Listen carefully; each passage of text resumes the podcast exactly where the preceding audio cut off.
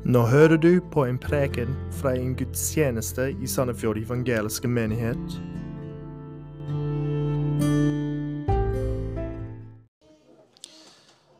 God søndag, alle sammen. Kjekt å se dere.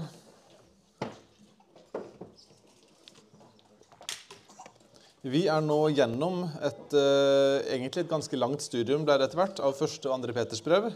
Vi har hatt noen avbrekk også, som vi håper har vært til nytte for, for dere i menigheten. Eh, og Vi skal nå gjøre et lite taktskifte. Om en liten måneds tid skal vi begynne en gjennomgang av de første seks kapitlene av ordspråkene. Eh, og Det vil være en serie som varer fram til sommeren. Hvor det ene, eneste avbrekket i den serien vil være de to søndagene som er i påskeferien. Altså palmesøndag og første påskedag. Vi tror serien om ordspråkene vil være tjenlig for menigheten ved at den vil berøre veldig mange forskjellige sider av livet på en praktisk måte. Så jeg tror det blir spennende og oppbyggelig for oss som menighet. Men det er ikke før om jeg tror det er søndag om tre uker vi skal begynne på serien om ordspråkene eh, og berøre temaer fra kapittel 1 til og med kapittel 6. I dag og de to neste søndagene skal vi ha noen tematiske taler som berører temaet menighet og medlemskap. Vi nærmer oss ettårsjubileet for Sandefjord evangeliske menighet. Eh, og Menigheten har i løpet av de siste tolv månedene blitt etablert. Det er kommet mange rutiner på plass, mange praktiske ting. Det er en del fellesskap som foregår i løpet av uka. Både av organisert og av sporadiske treff mellom venner og familier. Det, vi opplever at det er god enhet i forsamlingen. Det er veldig mye å være takknemlig for. Gud har vært trofast og vært god gjennom året som har vært. Eh, og Samtidig må vi erkjenne at eh, ting har vært annerledes enn vi hadde planlagt. Eh, vi har kanskje ikke klart å gjennomføre, eller helt sikkert ikke klart å gjennomføre alle drømmer og planer vi hadde da vi starta menigheten. Eh, og det er på sett og vis greit. Eh, det er en praktisk realitet av livet. At det er travlere enn det vi ofte forutser. Samtidig som at livet også byr på uforutsette problemstillinger og utfordringer som gjør at en enkeltvis og som familie av og til må stoppe opp og håndtere det som kommer, før en kan gå videre. Eh, så vi har veldig mye å se tilbake på med takknemlighet. Og så har vi mange områder hvor vi som menighetsfamilie kan og bør vokse også det neste året og i årene som følger. Så det er mye å være glad for, og så er det mye å jobbe med. I forbindelse med ettårsjubileet for menigheten så har vi i Eldsteråd diskutert og konkludert med at det er behov for å formalisere medlemskap. Vi er ikke lenger en kirkeplantning, eh, men en etablert menighet. Ikke en eh, veldig moden og gammel etablert menighet, men vi er en etablert menighet. Og Det bør også påvirke hvordan vi som menighet tenker om vårt forhold til menigheten. Altså hvordan vi som medlemmer forholder oss til menigheten.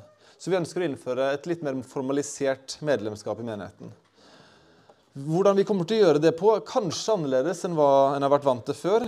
Eh, Istedenfor å spørre hver enkelt av dere om dere vil være en del av menigheten eller ikke, så kommer vi til å anerkjenne og behandle alle troende som går her fast, som medlemmer av menigheten.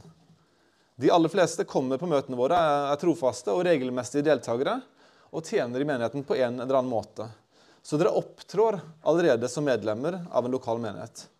Og Vi syns derfor det vil være litt unaturlig å stoppe opp og spørre har du lyst til å være en del av menigheten eller ikke, når du allerede er det for alle praktiske formål.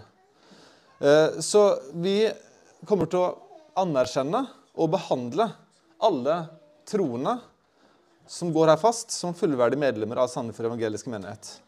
Og Dersom du av en eller annen grunn ikke vil være medlem av menigheten, samtidig som du ønsker å gå her regelmessig, så må du gi en tilbakemelding til Bob eller meg om det, og så tar vi en prat om det. Jeg er litt usikker på hva grunnen skulle vært, eh, men vi tar gjerne den praten om det skulle være aktuelt.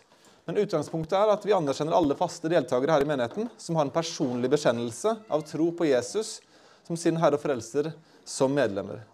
Det betyr ikke at navnet ditt havner på en offentlig liste som vi sender til myndighetene. eller noe sånt. Eh, vi har ikke noe offentlig medlemsregister, eh, iallfall ikke ennå. Og hvis vi får det, Eh, så vil vi gi beskjed på forhånd, så en kan fri, be om måte, fritak for å stå på en sånn liste. Så dette er noe som på en måte er, er internt. da. Men alle vil fullt og helt bli behandla som medlemmer og være registrert på en måte, kall det vår interne liste i menigheten. Noe dere egentlig allerede er i regi av å være på Church Center-appen og, på ansvarsfordelingslister osv. Så, videre. så på søndag om to uker så skal vi på en måte konkludere denne prosessen. Og etter dette så, så har vi på en måte etablert medlemskap. Eh, som en del av denne prosessen ønsker vi som menighet vi, å ha en menighetspakt, eh, eller et menighetsløfte, om du vil, som vi eh, ønsker at vi forplikter oss til overfor hverandre i Guds påsyn. Jeg har lagt ut utkastet til denne menighetspakten, dette menighetsløftet, til, i Church Center-appen.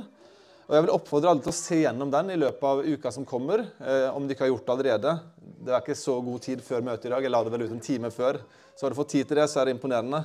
Men eh, se gjerne gjennom det etter, eh, etter gudstjenesten eller i løpet av dagen. Eh, slik at det kan være forberedt på mentalt innstille seg på hva som, hva som vi ønsker å inngå sammen om et par uker. Utkastet ligger ute, men det er et utkast. Her er vi åpne på innspill og formuleringer, på formuleringer og innhold osv. Eh, og Vi kommer også til å bruke litt tid tror neste søndag på å forklare begrepene i menighetspakten litt eh, nærmere. Eh, men kom som sagt nærmere tilbake, oss, med, tilbake, til oss med innspill på ting du reagerer på, eller om det er noe du savner, osv. Menighetspakten er altså et løfte vi som menighet, som medlemmer, avgir overfor hverandre om våre gjensidige forpliktelser for hverandre og for Gud. Og det er noe vi gjør foran Gud. Så det er, det er noe høytidelig over det, som jeg håper og tror skal bevisstgjøre oss på vårt ansvar overfor hverandre og Gud som troende og medlemmer av en lokal menighet.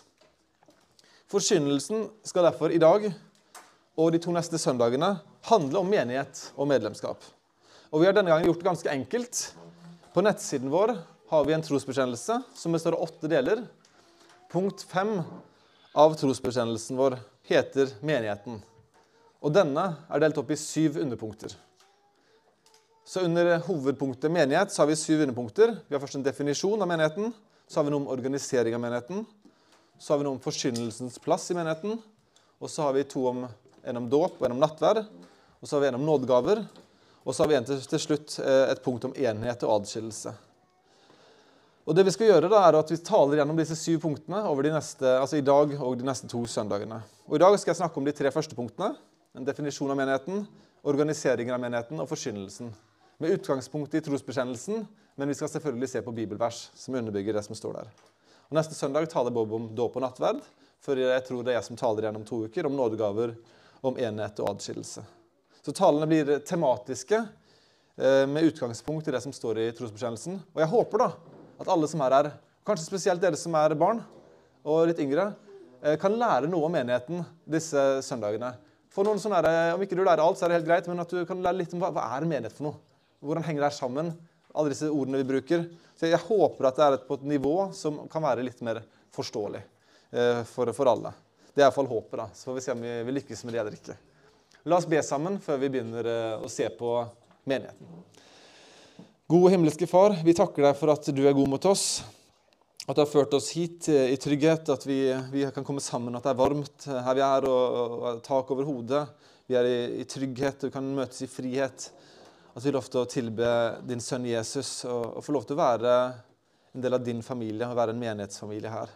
Jeg ber om at du må velsigne denne prosessen vi skal gå inn i nå. Eh, og jeg ber om at du må velsigne møtet videre i dag. Hjelp meg til å tale forståelig, og hjelp oss eh, alle til å ta til oss det som blir sagt. Eh, til å prøve det mot ditt ord. Og hvis det er i tråd med ditt ord, som jeg ber om at det måtte være, at det må eh, gjøre noe med oss. Vi ber alt dette i Jesu navn. Amen. Sånn som jeg gjør det i dag, er at Den røde tråden blir at jeg begynner å lese paragrafen fra, fra trosbekjennelsen, og så skal jeg utbrodere litt og henvise til noen skriftsteder etterpå. Så det blir på en måte den tematiske gjennomgangen her. I trosbekjennelsen vår i punkt 5.1 står det at vi lærer at menigheten både kan innfatte den universale menighet, altså alle gjenfødte, og den lokale menighet, som består av alle gjenfødte som samles på ett sted. Ettersom Bibelen nesten alltid taler om den lokale menighet når begrepet menighet er brukt, gjør også vi dette videre, altså i trosbekjennelsen, med mindre annet er spesifisert. Så Det første punktet vårt i vår trosbekjennelse er egentlig med å forklare hvordan vi bruker ordet menighet videre. Men punktet inneholder noen ganske essensielle sannheter om menigheten som jeg ønsker å minne oss på i dag. For det første så står det at menigheten kan beskrive både en universal menighet og en lokal menighet. Ordet menighet kommer fra et gresk ord som er eklesia, som betyr de som er kalt ut. Og det som eh, Man tenker da, er de som er kalt ut av verden eh, av Gud. Og Når det brukes i Det nye testamentet, som ble skrevet på gresk, så brukes det nesten alltid om en lokal menighet. Men også i noen tilfeller om det vi kaller en global eller universal menighet. Så hva er disse tingene? Hva er en lokal menighet, og hva er en universal menighet? La oss først se hva den universale menigheten er. Den universale menighet, eller den globale menighet, er den menigheten som består av alle kristne på hele jorda. Alle troende mennesker på hele jorden. Vi er på en veldig reell måte en del av den samme menighet. Alle kristne er Guds barn og er en del av én familie, Guds familie. Vi er søsken i troen, brødre og søstre. Jesus er vår bror. Vi er adoptert inn i Guds familie. Vi er født på ny. Og Det betyr at jeg er like mye i familie med en kristen person i Argentina, Japan, Canada, til og med New Zealand, som jeg er i familie med dere som er her, og som jeg ser på i dag i vår lokale menighet. Vi er del av samme åndelige familie, eh, og vi burde elske hverandre på tvers av landegrenser. Konfesjoner, det betyr vi, eh, hvordan vi beskriver hva vi tror, og også noen teologiske skillelinjer. Så sant vi deler troen på Bibelens sanne evangelium. Jeg har i min familie jeg vokste opp i, eh, fire biologiske søsken, og så er jeg en fostersøster. Eh, og vi er på veldig mange måter forskjellige. Selv om vi er vokst opp i samme hus og samme hjem med de samme foreldrene. Vi har forskjellige interesser, vi har forskjellige måter å reagere på. Følelsesmessige register er forskjellige. Noen av oss er konfliktsky, andre av oss elsker en god diskusjon. Av og til har vi det veldig kjekt sammen, og av og til krangla vi med hverandre og irriterte hverandre og frustrerte hverandre. Men det er et samhold mellom oss. Vi holder sammen og tar vare på hverandre når vi kan. Hvorfor? Fordi vi er familie. Og så har jeg fått en ny kjernefamilie, som er min familie nå. Jeg gifter meg med Henriette. Vi har fått fire barn. Seks personer i vår kjernefamilie. Og vet du hva? Alle oss seks er forskjellige. Vi har forskjellige måter å reagere på, vi har forskjellige behov, forskjellige følelsesmønster. Ofte har vi veldig kjekt sammen, men ofte så er det krangling og frustrasjon og irritasjon om hverandre. Men vi er familie. Og når dagen er slutt, og uansett hva som har vært vondt eller kjipt den dagen, så er vi alle seks glad for at vi har hverandre, at vi er en familie. Det er en trygghet for oss. Det at vi er i familie, resulterer i noen naturlige responser hos oss. Jeg vil av instinkt ønske å beskytte og forsvare familien min mot farer. Jeg liker å snakke fint om dem til andre, og jeg liker ikke når andre snakker stygt om eller negativt om noen som er i min familie. Av og til er det kanskje noe som er sant, som blir sagt, men jeg liker det ikke. Jeg liker at de som er i min familie, blir snakka fint om. Og skjer det noe galt med en av oss, så blir alle lei seg, men skjer det noe bra, så blir alle glad. Gleder vi oss sammen. Det at en er en familie, får noen ganske store konsekvenser for hvordan en snakker om hverandre i det offentlige rom, og hvordan vi har omsorg og kjærlighet for hverandre. Og så vet jeg at mange ikke har bare gode opplevelser fra sin fysiske familie. Eh, og det, det, det, må jeg anerkjenne, og det er ikke det jeg snakke lett om. Men ideelt sett så er også den fysiske familien et godt sted å være. Og så er det dessverre en del unntak fra det også. Når vi tenker på den globale, universale menighet, så eksisterer det på samme måte et kjærlighetsbånd, et familiebånd, mellom de troende. En er samme familie. Og det tror jeg er noe mange av dere, kanskje alle har erfart med flere anledninger. Kanskje du er på en ferie eller et fremmed land, og så kommer du i prat med noen, og så skjønner du at han eller henne eller de er kristne. Og plutselig så er det sånn Det her er familien min. Plutselig er det en, en kjærlighet der. En er sammen om noe. En har den samme troen og tilliten. Og plutselig så er du nesten villig til å gi livet ditt for denne personen som du nettopp har truffet.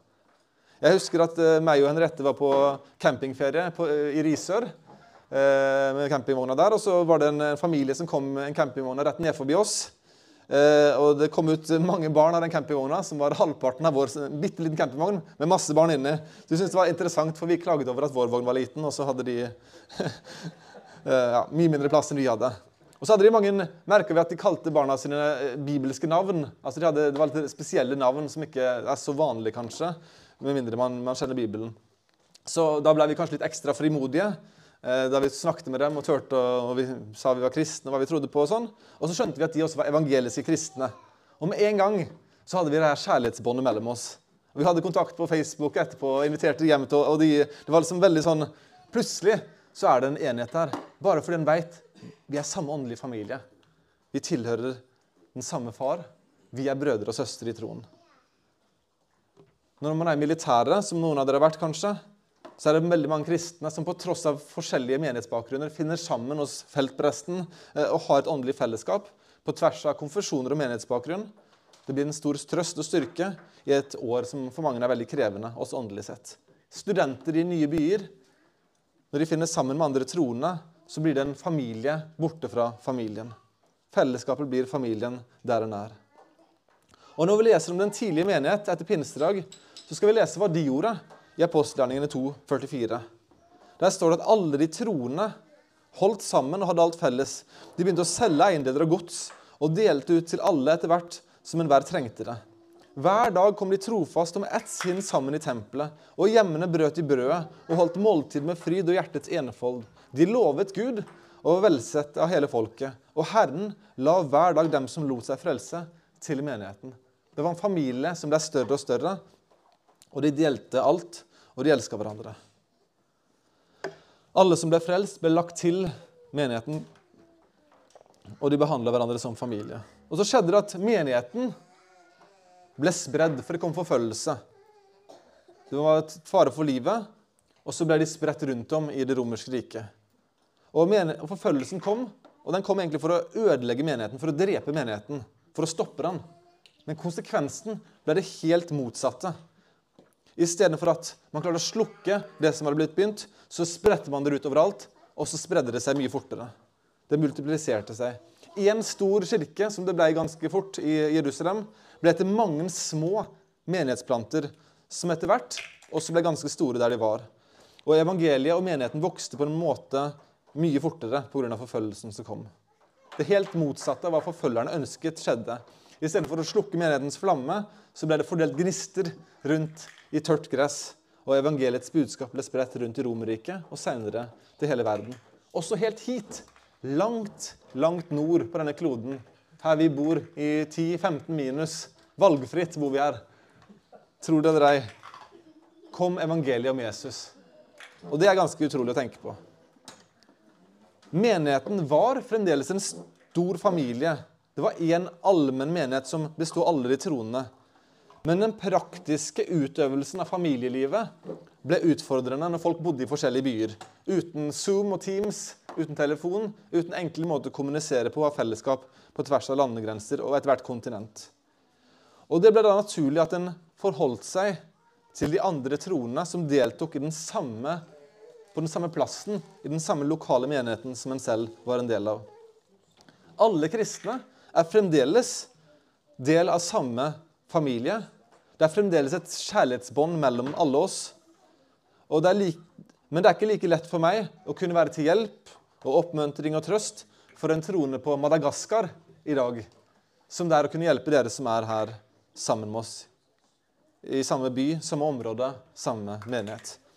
Så når Bibelen snakker om menigheten utover i apostlenes gjerninger, og etter hvert i brevene som Paulus og andre skrev, så er det nesten alltid snakk om en lokal menighet. Det vil si en samling av kristne som var på et bestemt sted. Det var en fullverdig menighet, men den besto ikke av alle troende alle plasser i hele verden.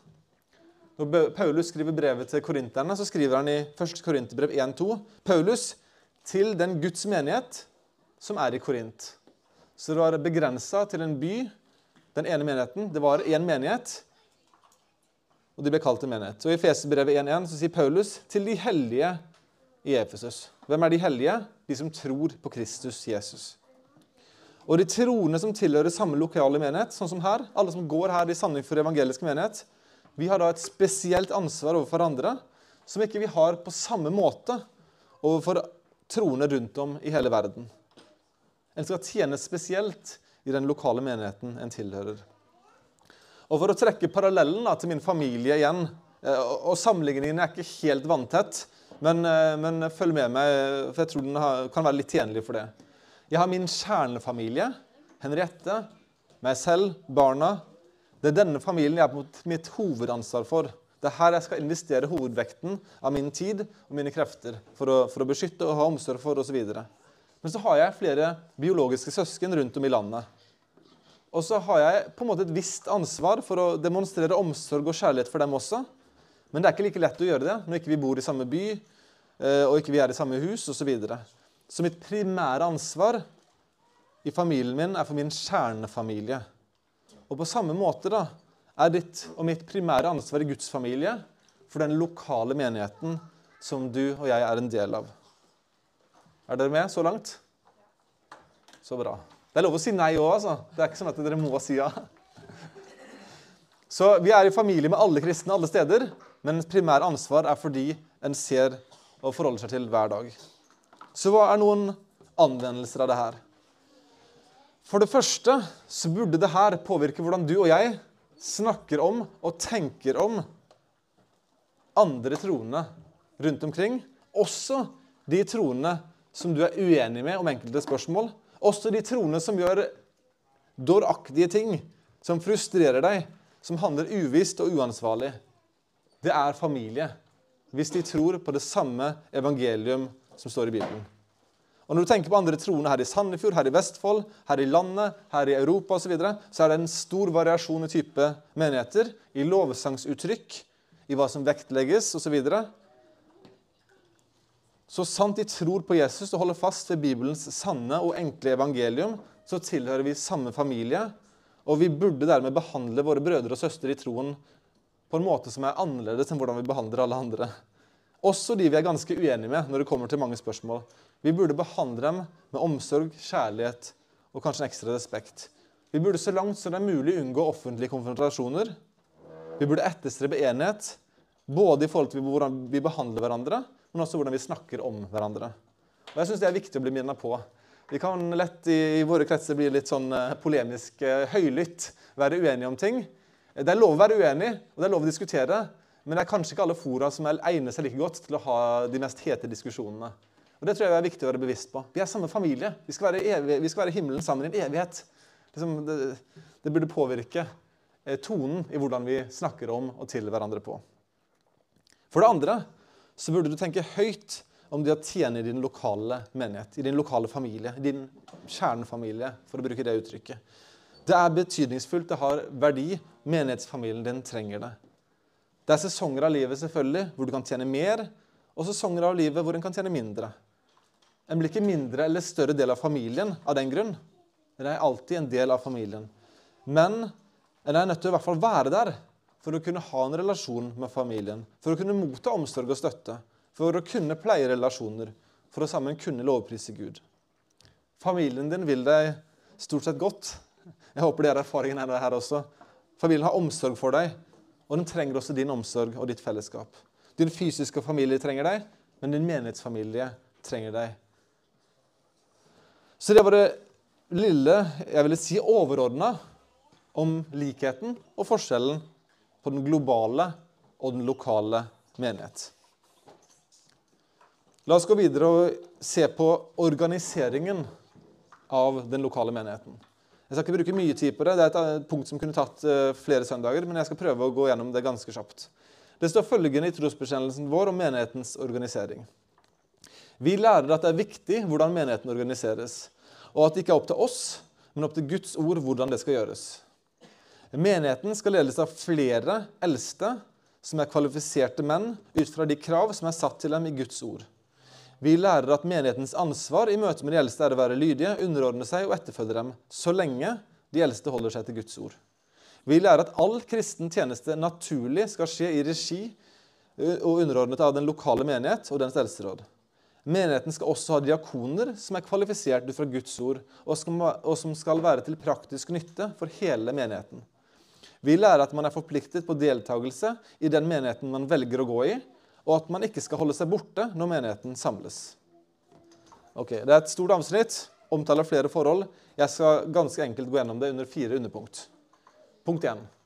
Gud har sagt noe om organiseringen av menigheten. Organiseringen av menigheten er ikke noe vi kan bare gjøre basert på hva som fungerer best i næringslivet, eller hva som er praktisk, hva som passer for vår demografi. Organiseringen, i hvert fall på et overordna nivå, er definert i Guds ord. Og Så kan man kanskje ha underkategorier som vi kan sette opp sjøl, men, men, hovedlinjene i strukturen på en menighet har Gud gitt oss i sitt ord, og dem må vi følge. Og Bibelen har ganske definerte roller som i det minste må være på plass for å kunne være en lokal menighet. Da kommer vi inn på disse kriteriene. Så Punkt to menigheten skal ha kvalifiserte eldste. Menigheten skal ledes av flere eldste som er kvalifiserte menn ut fra de krav som er satt til dem i Guds ord. Da Paulus reiste rundt og plantet menigheter på misjonsreisene sine, eh, så hadde alle menighetene en etableringsperiode. Men det vi ser hvis du følger eh, Paulus under reiser i apostlenes gjerninger, er ikke at han prøvde å komme så langt som mulig bare for å dekke et størst mulig areal. Det virker som han hadde en plan for en reiserute han skulle dra på. Og så reiste han på neste tur, ofte innom mange av de samme plassene han allerede hadde vært. Og så skrev han brev til dem. Så det var ikke sånn at han bare reiste én vei så langt han kunne komme, og endte opp i, i, i Nordøst-Asia. Og Da han kommet til havet, og så var snudde han og gikk tilbake igjen. Men han hadde en, en, en, rute som var planlagt for å spre evangeliet, etablere menigheter. Og så ønsket han å besøke dem igjen, og så sendte han brev til dem. Det var på en måte strukturen. Så han hadde nok en forståelse av at jeg kan ikke dra for langt. Jeg kan ikke dra for vidt. Jeg må forholde meg til et, et område. Eh, og, og, jeg må plante menigheter, så må jeg følge de opp etterpå. Så det var en etableringsperiode fra første gang han planta menigheten, til det ble en, en fullverdig menighet. Eh, og I Titus brev, kapittel 1, så skriver Paulus til Titus, som han, som han hadde sendt, for, for, å være med å, å hjelpe menighetene på Kreta å bli etablert og få på plass det som mangla av organisering av menigheten. Og Det står i Titus 1,5 følgende.: Jeg lot deg bli igjen på Kreta for at du skulle ordne det som ennå sto igjen. Ok? Det var noe som mangla. Eh, mye hadde vært bra, mye var på plass, men det var noe som mangla for at det skulle kunne være, måte, det kunne være ferdig etablert. Hva var det som mangla, som sto igjen? Innsett eldste i hver by, slik jeg påla deg.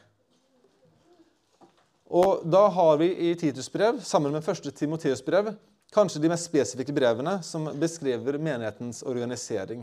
Her beskriver Titus hva som skal til, og bl.a. om kravet om eldste, kvalifiserte eldste, eh, om kvalifikasjonene til dem. Det var noe som mangla, noe viktig som mangla før menigheten var ferdig etablert og organisert. Du må innsette eldste i hver by. Merk at det er eldste i flertall. Det skulle ikke være én som skulle styre showet. Det skulle være eldste i flertall, dvs. Si minimum to. Eh, og så er det en del menigheter som eh, av, eh, av grunner kun har én for en periode. og sånn. Det er ikke ideelt. Det ideelle er at det er minimum to. Og det er jo, En kan jo lett forstå hvorfor det skal være slik, når en ser hvor lett maktmisbruk og, og slike ting tar fatt i, skjødet hos mennesker, og folk blir høye på seg sjøl osv. Det å ha i hvert fall to, og, og gjerne flere også, er med å kvalitetssikre eh, og begrense at én skal på en måte stikke av og bli, bli paven i, i, forsamlingen. Og Så skriver Paulus videre i, i Titus 1 om, om, kvalifikasjoner til de eldste. Jeg å bare lese det. Eh, jeg skal ikke gå gjennom, eh, gå gjennom, det i detalj, men det er en liste som er nyttig å ha med seg. Jeg leser av Titus 1, 5-9. Jeg lot deg bli igjen på Kreta for at du skulle ordne det som ennå sto igjen, og innsette eldste i hver by, slik jeg påla deg. En eldste må være ulastelig, han må være én kvinnes mann og ha troende barn som ikke har ord på seg for utskeielser eller oppsettighet. For en tilsynsmann må være ulastelig som Guds husholder. Ikke egenrådig, ikke bråsint, ikke drikkfeldig, ikke voldsom, ikke lysten etter ussel vinning.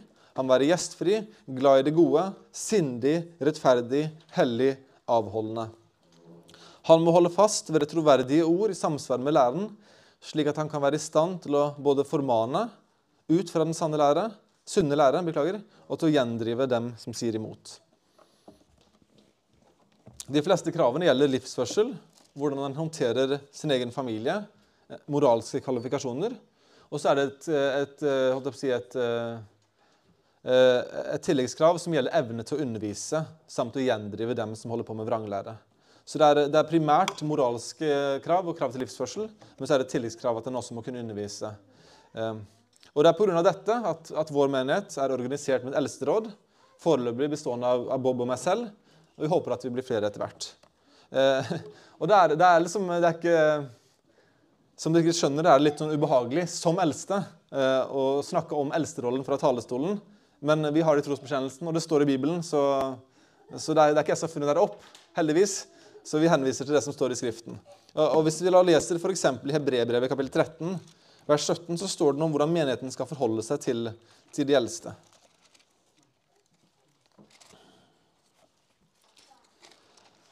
Og Der står det at de troende skal være lydige mot sine veiledere og rettes etter dem, for de våker over deres sjeler, og de skal avlegge regnskap for det.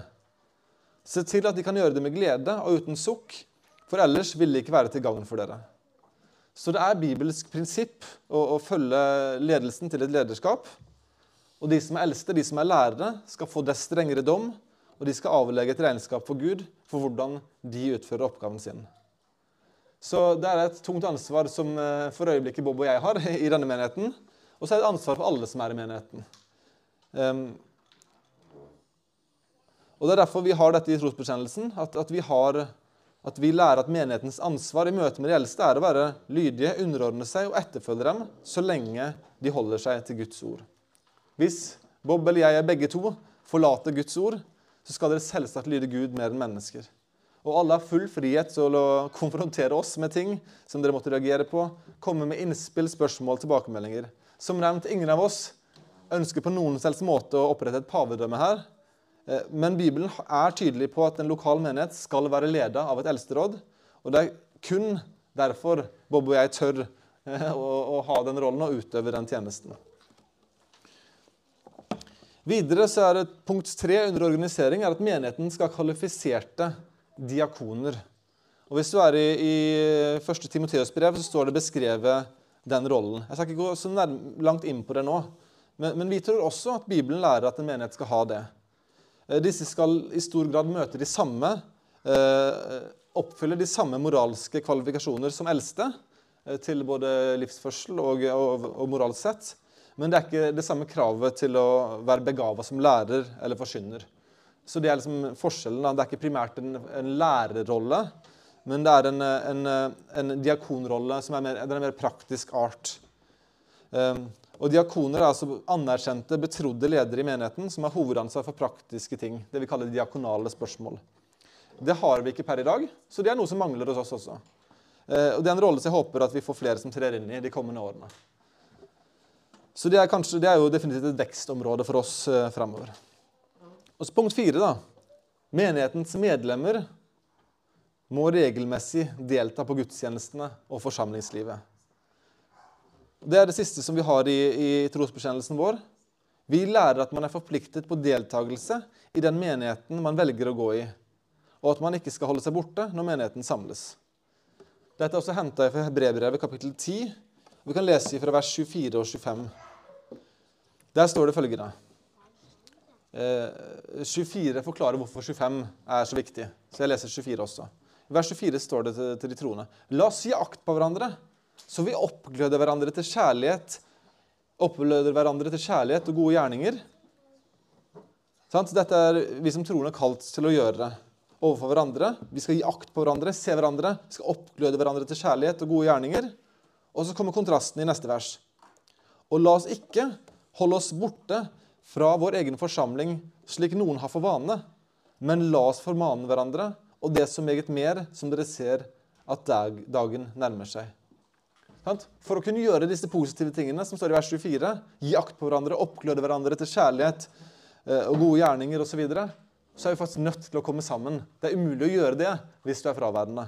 Og Derfor står det ikke, ikke, ikke hold deg borte fra din egen forsamling, men la oss formane hverandre, og det som meget mer som dere ser at dagen nærmer seg.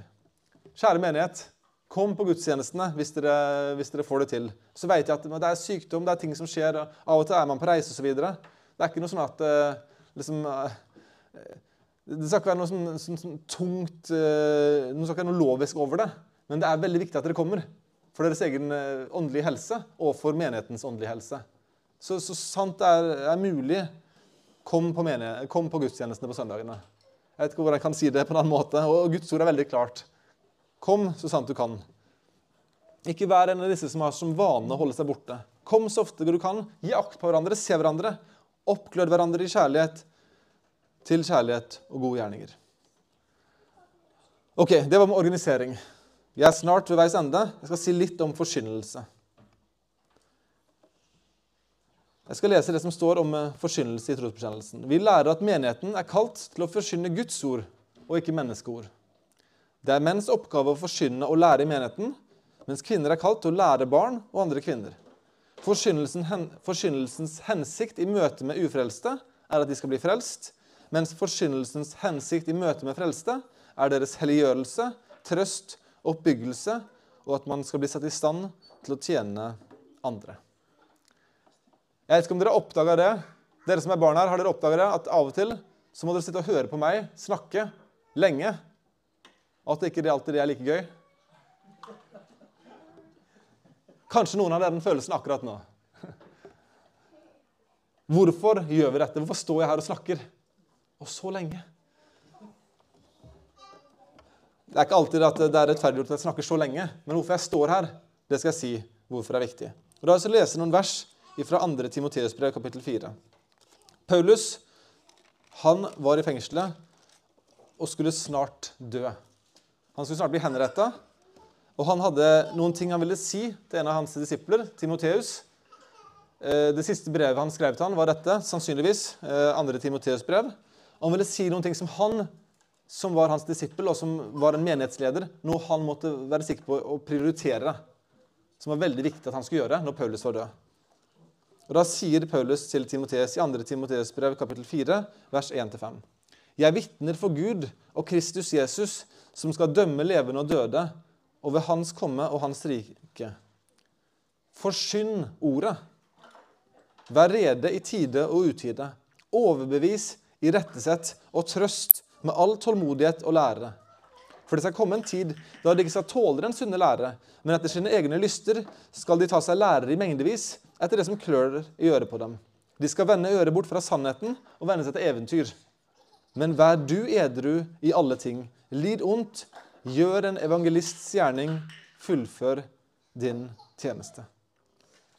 Oppsummert så er befalingen følgende.: Forsyn ordet.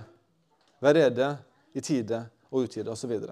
Å forkynne Guds ord var en av de primære oppgavene som Paulus ga til Timoteus. Hvorfor er det så viktig? Hvorfor, er, hvorfor har vi så stor plass i møtene våre til skriftlesning og til det som vi har her, forkynnelse?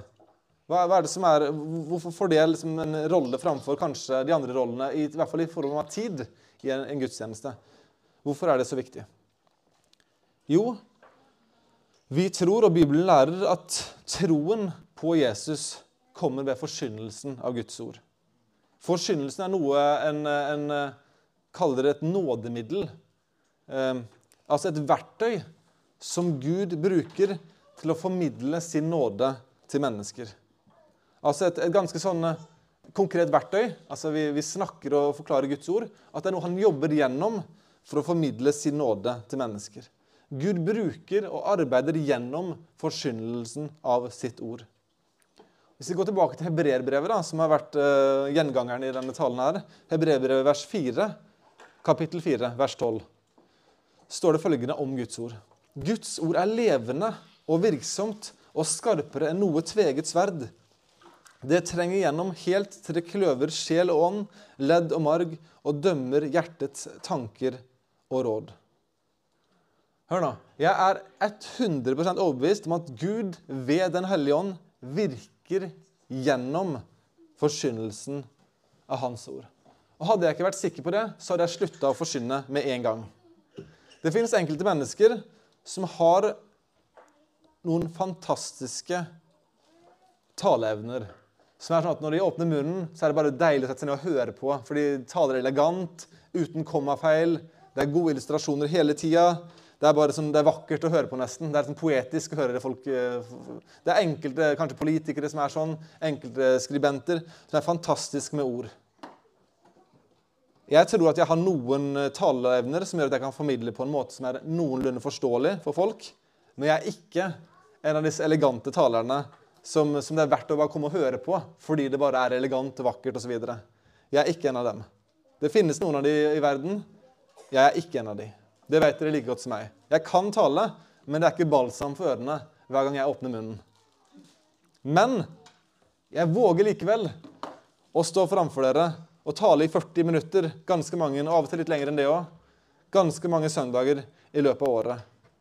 Og jeg gjør det med en forventning om at dere faktisk skal komme og høre etter på det jeg har å si.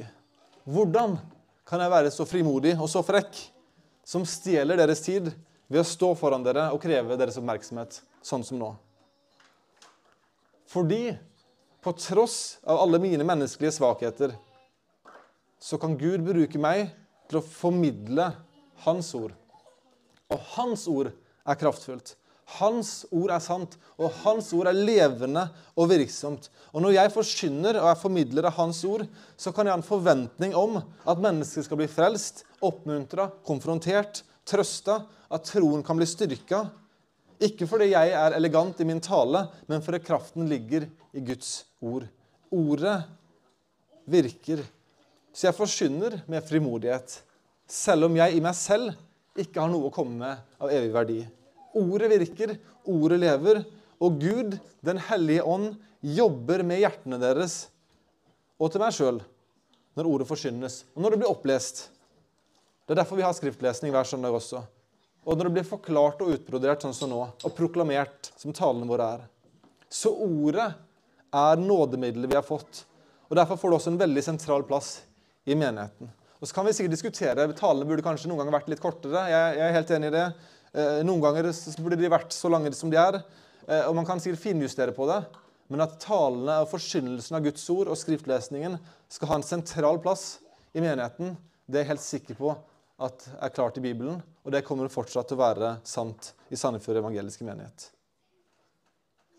Så det var litt om menighet primært, og litt også om medlemskap eh, indirekte, i hvert fall hva menigheten er, hvordan den er organisert, og hvilken rolle forsynelsen skal ha. Innledningsvis siterte jeg følgende fra trosbekjennelsen. Vi lærer at menigheten både kan innbefatte den universale menighet, altså alle gjenfødte, og den lokale menighet, som består av alle gjenfødte som samles på ett sted. Både når vi snakker om den lokale menighet, og den universale menighet, så er ett felles kriterium for å være en del av det. Husker du hva det er? Jeg må være gjenfødt. Og Når du tenker over menighet og medlemskap de neste ukene, så er det aller viktigste for deg å få avklart ikke nødvendigvis hva du synes om formuleringen i menighetspakten, ikke nødvendigvis hvilket syn du har på organisering eller nådegaver osv., men at du med trygghet kan si ved deg sjøl Ja, jeg er et Guds barn. Født på ny, en del av Guds menighet, Guds familie. En blir et Guds barn, del av den universale menighet, gjennom troen på Jesus.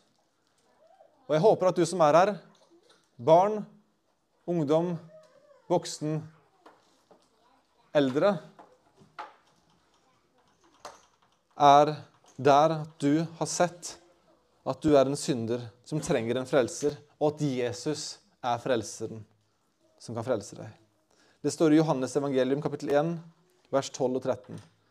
Men alle dem som tok imot ham, dem gav han rett til å bli Guds barn, de som tror på hans navn.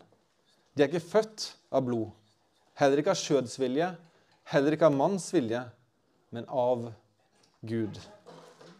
Måtte det være sant for alle oss når denne prosessen er omvendt og eh, fullendt, men allerede i dag, at du ikke er født av blod eller skjødsvilje eller mannsvilje, men av Gud ved troen på Jesu navn.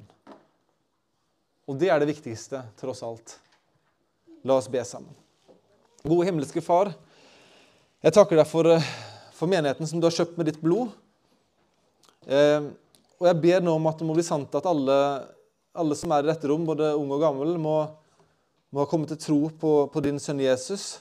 Om ble adoptert og inn i, gjenfødt inn i din familie. Så ber vi, kjære far, om at, eh, at du må hjelpe oss til å se viktigheten av den lokale menighet. Hjelpe oss til å se hvilke ansvarsområder vi har overfor hverandre, overfor deg. Eh, ved å elske og ære hverandre og elske og ære deg. Eh, og jeg ber om at det må bli en velsignelse for forsamlingen å, å gå gjennom denne prosessen. Vi takker deg for din godhet mot oss. Vi takker deg for at evangeliet kom hit nord. At vi har fått lov til å høre budskapet om tilgivelse for synder og evig liv. Om en frelser som døde for oss, en frelser som sitter ved din høyre hånd, og en frelser som kommer igjen for å dømme levende og døde. Takk for at Jesus kom, at han er vår konge, at vi får tilhøre han. Og vi ber om at han snart må komme igjen. Vi ber alt dette i hans navn. Amen.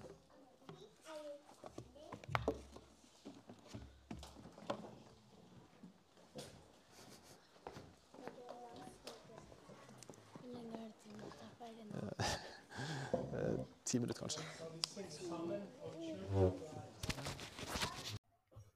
Takk for at du hørte på denne prekenen. Ønsker du mer informasjon, besøk sandefjordevangeliske.no eller vår Facebook-side Sandefjord evangeliske menighet.